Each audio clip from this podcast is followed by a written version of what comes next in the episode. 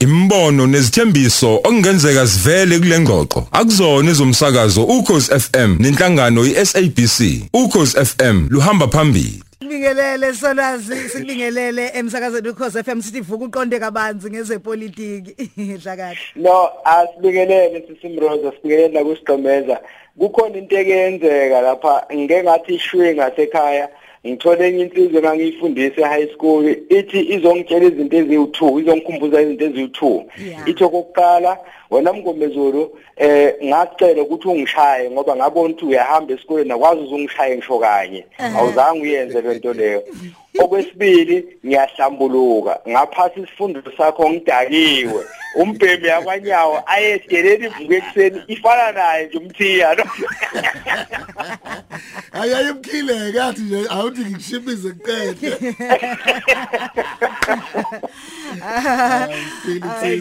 Kuhle. Kuyacaca nje ukuthi niphilisene kahle nabantu enihleli nabo noma okhulele kubona noma ngabe ususolwazi usubizwa ngoprofessor nani nani. Kodwa nje abantu ngoba insizwa engahlangana nayo impela yakankosi ikhuluma kahle ngendlela eyisimangaliso. Umbalekelwa Samuel uthi hayi mina sengiyikhansela kodwa yena waqhubeka wantshontsha ipeni lami. Hayi siphilisana kakhulu mroza nabantu basekhaya impela nje. Uyabona konke engikhona ngikhona ngenxa yabantu basekhaya ngwavuma.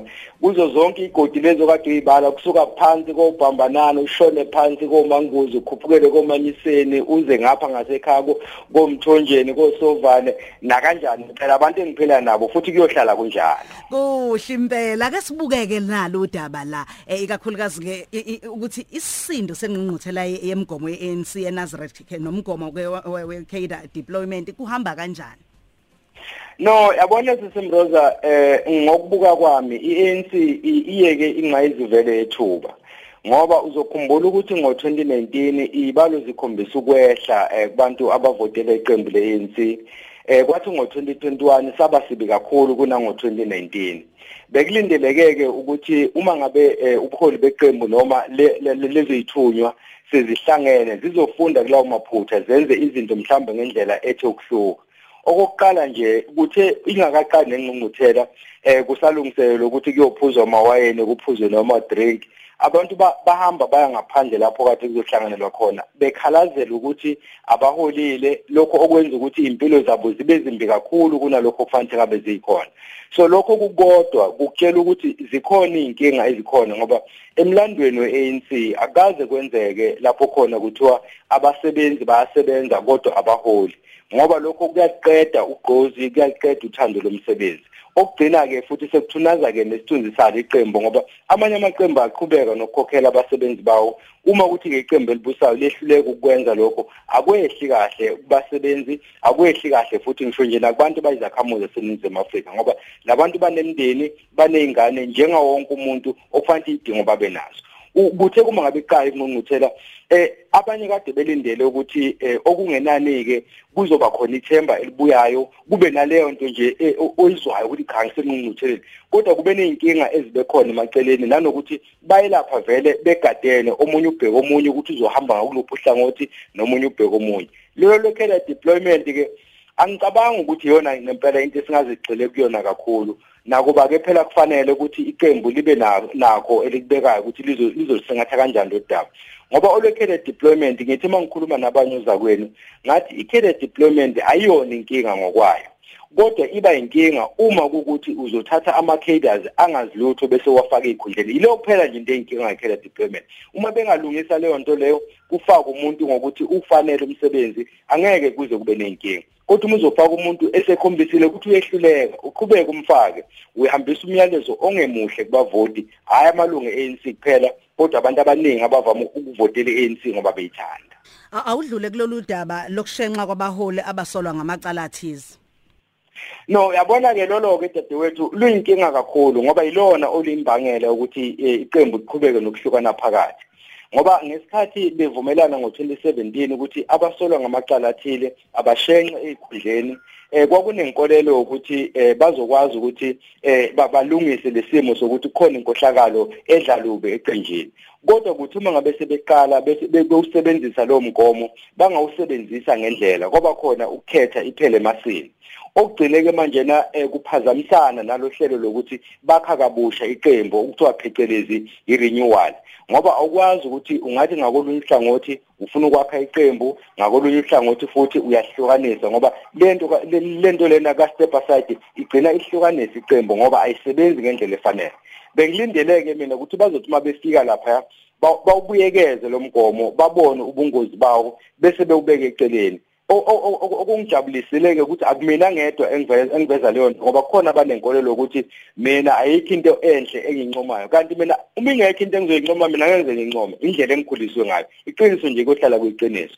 uKhalima Mohlante ukuvezile ukuthi noma ngabe eh, ikhona lento ka step aside noma ngaba yikho akuzukwenza umehluko ngoba ukhona umthetho sisekelo weqembu. Umbuzo ke uthi lo mthetho sisekelo weqembu ulandelwa ngendlela efanele yini noma kwawona kuba khona ukukhetha iphele emasini? Bese ke okugcina kuba nalento ukuthi eh abantu banenkolelo ukuthi uma ngabe sekuvunyelwene ngento aqhutshekwe nayo noma ngabe ingasasebenzi. Kusuke engabonaki ubuholi lobo ngoba uma ubona into ukuthi ayisebenzi uyabuyela emuva uyibuyekeze uyibuze ukuthi inhloso ngqangi kwakuyini ukuthi uqhamuke nalowo mgomo lowo. Uma ukuthi ayikwazi ukukusiza ukufeza leyo nhloso leyo ishintshe phela bese wenza okunye okwehlukile ukwenzela ukuthi isimo siye ngokuya sibangcono Mm udaba likaBusisi wemkhwebana nomangameli sesivala? Hayi lolo ke dadewethu lisazoba nzima ngoba kugcina manje kuba sengathi eh ngibuyele esikoleni ngiyofunda lencwadi okwakuthiwa Animal Farm ebhalwe George Orwell. Eh ukuthi some animals are equal some are more equal than others. Lokho ke ngoba kusho ukuthi eh ngendlela okwenzeka ngayo. Eh aba abameli bakabusiswe mkhobane umvikelo omphakathi bakuveze ngokusobala ukuthi ukuze bakwazi ukuqhubeka nalolu daba kuzophoqeleka ukuthi umengameli naye avele azoveza olwakhe uhlangothi kulolu daba olwenzekayo. Ngokusho ke kwehhovisi likamongameli uthi yena akasiboni isidingo sokwenza lokho ngoba umthetho sisekelo usection 194 uyamvumela ukuthi eh, amise umvikelo omphakathi kodwa uma ufundisisa kahle lo leso sigaba leso ubheke nje kahle eh, usubsection 1 subsection 2 subsection 3 uzokutshela ngokusobala ukuthi yiziphi inyathelo ofanele zilandelwe ngoba kufanele ukuthi umengameli athathe isinqumo kuthiwa umengameli may decide ukuthi ukuthi angakwenza noma angakwenzi ukuthi amise umengameli ulona umvikelo omphakathi noma auditor general uma kuukuthi ikomiti leParliament seliuqalile umsebenzi. Bese uzibuza ke ukuthi incwadi abhalelwe yona umvikelo omphakathi ibhalwe sekuqalile ukuthi ikomiti ihlale noma bekusahlongozwa ukuthi ihlale. Mm. impendulo uzoyithola ke lapho. Okusho ukuthi ke njengoba ompofu bethi akeze bekufanele ngabuyeze utheke na akasiboni isidingo sokwenza sekwenze kuphoqeke manje ukuthi eh, kwenziwe into eyisaphina aphoqele lokutheze njengoba nemibuzo lena u31 buze kwasikazwa ngakho lokho kwaba ima ephendula. Kugcina ke kwakhe isithombe singesihle ngokuthi ngathi leli office alihlonishwa kanti ngesikhathi kunomengameli eh, uba uJacob Zuma nomvikeli uthule madonsela kwakuthiwa umengameli akakwazi ukuthi abe ngaphezulu komthetho. Angizwa ke leyo nkulumo ivela manje. Angazi ke ukuthi izathu yini sangizokuphendula lo mbuzo solwazi bheki imngomezulu dlakadla. Le yivuka africa breakfast show. Ukhosi FM lokuhamba phambili. phambili.